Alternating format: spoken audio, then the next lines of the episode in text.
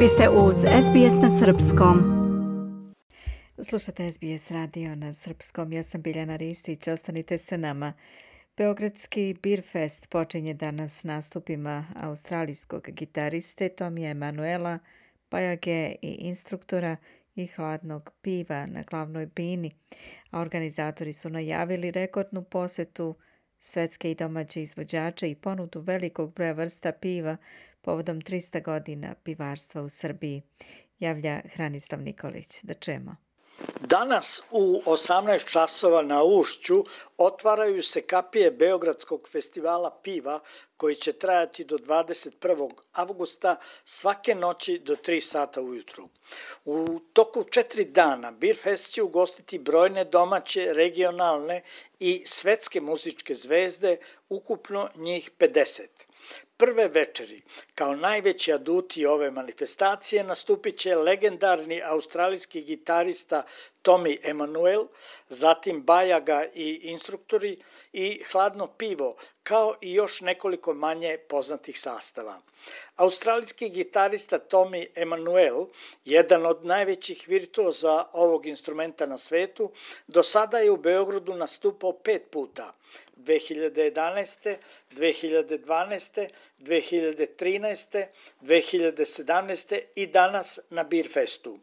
U okviru 18. Međunarodnog Guitar Art festivala 2013. godine Tommy Emanuel je održao koncert u Sava centru.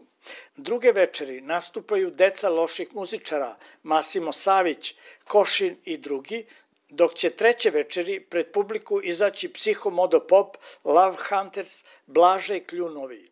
Poslednje veče Beer Festa rezervisano je za grupe Atomsko sklonište i Play, ali i za miljenicu ovdašnje publike Konstraktu, odnosno Anu Đurić.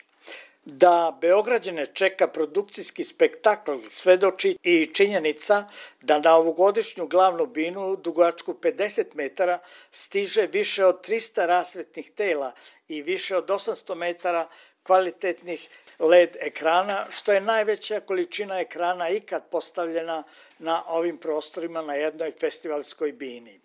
Beerfest biće podeljen u dve zone, muzičku sa nastupima brojnih zvezda i cloud zonu bogatu sadržajima i atraktivnim programima za sve uzraste, među kojima su pivski market, motoplac sa posebnom binom i muzičkim programom Zidom smrti, kampom, izložbom oldtimer motora, bit će tu i disco bina, Luna Park, panorama baloni, selfie toranj visok 17 metara sa kog će posetioci moći da naprave najbolji selfie, elektrozona i tako dalje i tako dalje.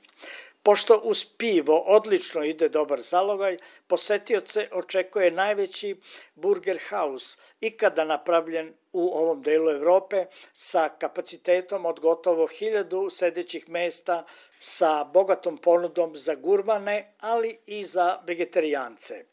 Povodom jubileja 300 godina pivarstva u Srbiji, pažnja će biti posvećena i zanatskim pivarama.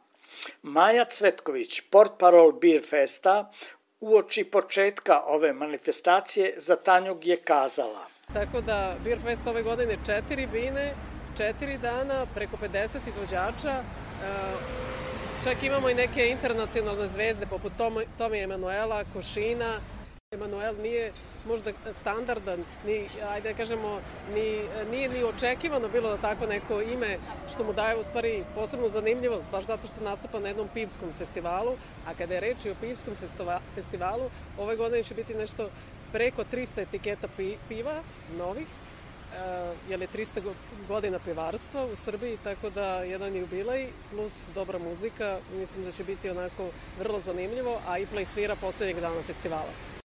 Beogradski festival piva, koji je osnovan 2003. godine, postao je jedan od prepoznatljivih simbola prestonice i jedan od najmasovnijih događaja ove vrste u svetu.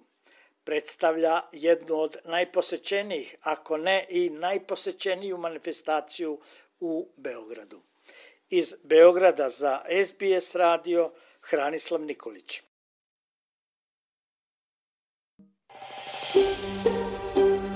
Želite da čujete još priča poput ove? Slušajte nas na Apple Podcast, Google Podcast, Spotify ili odakle god slušate podcast.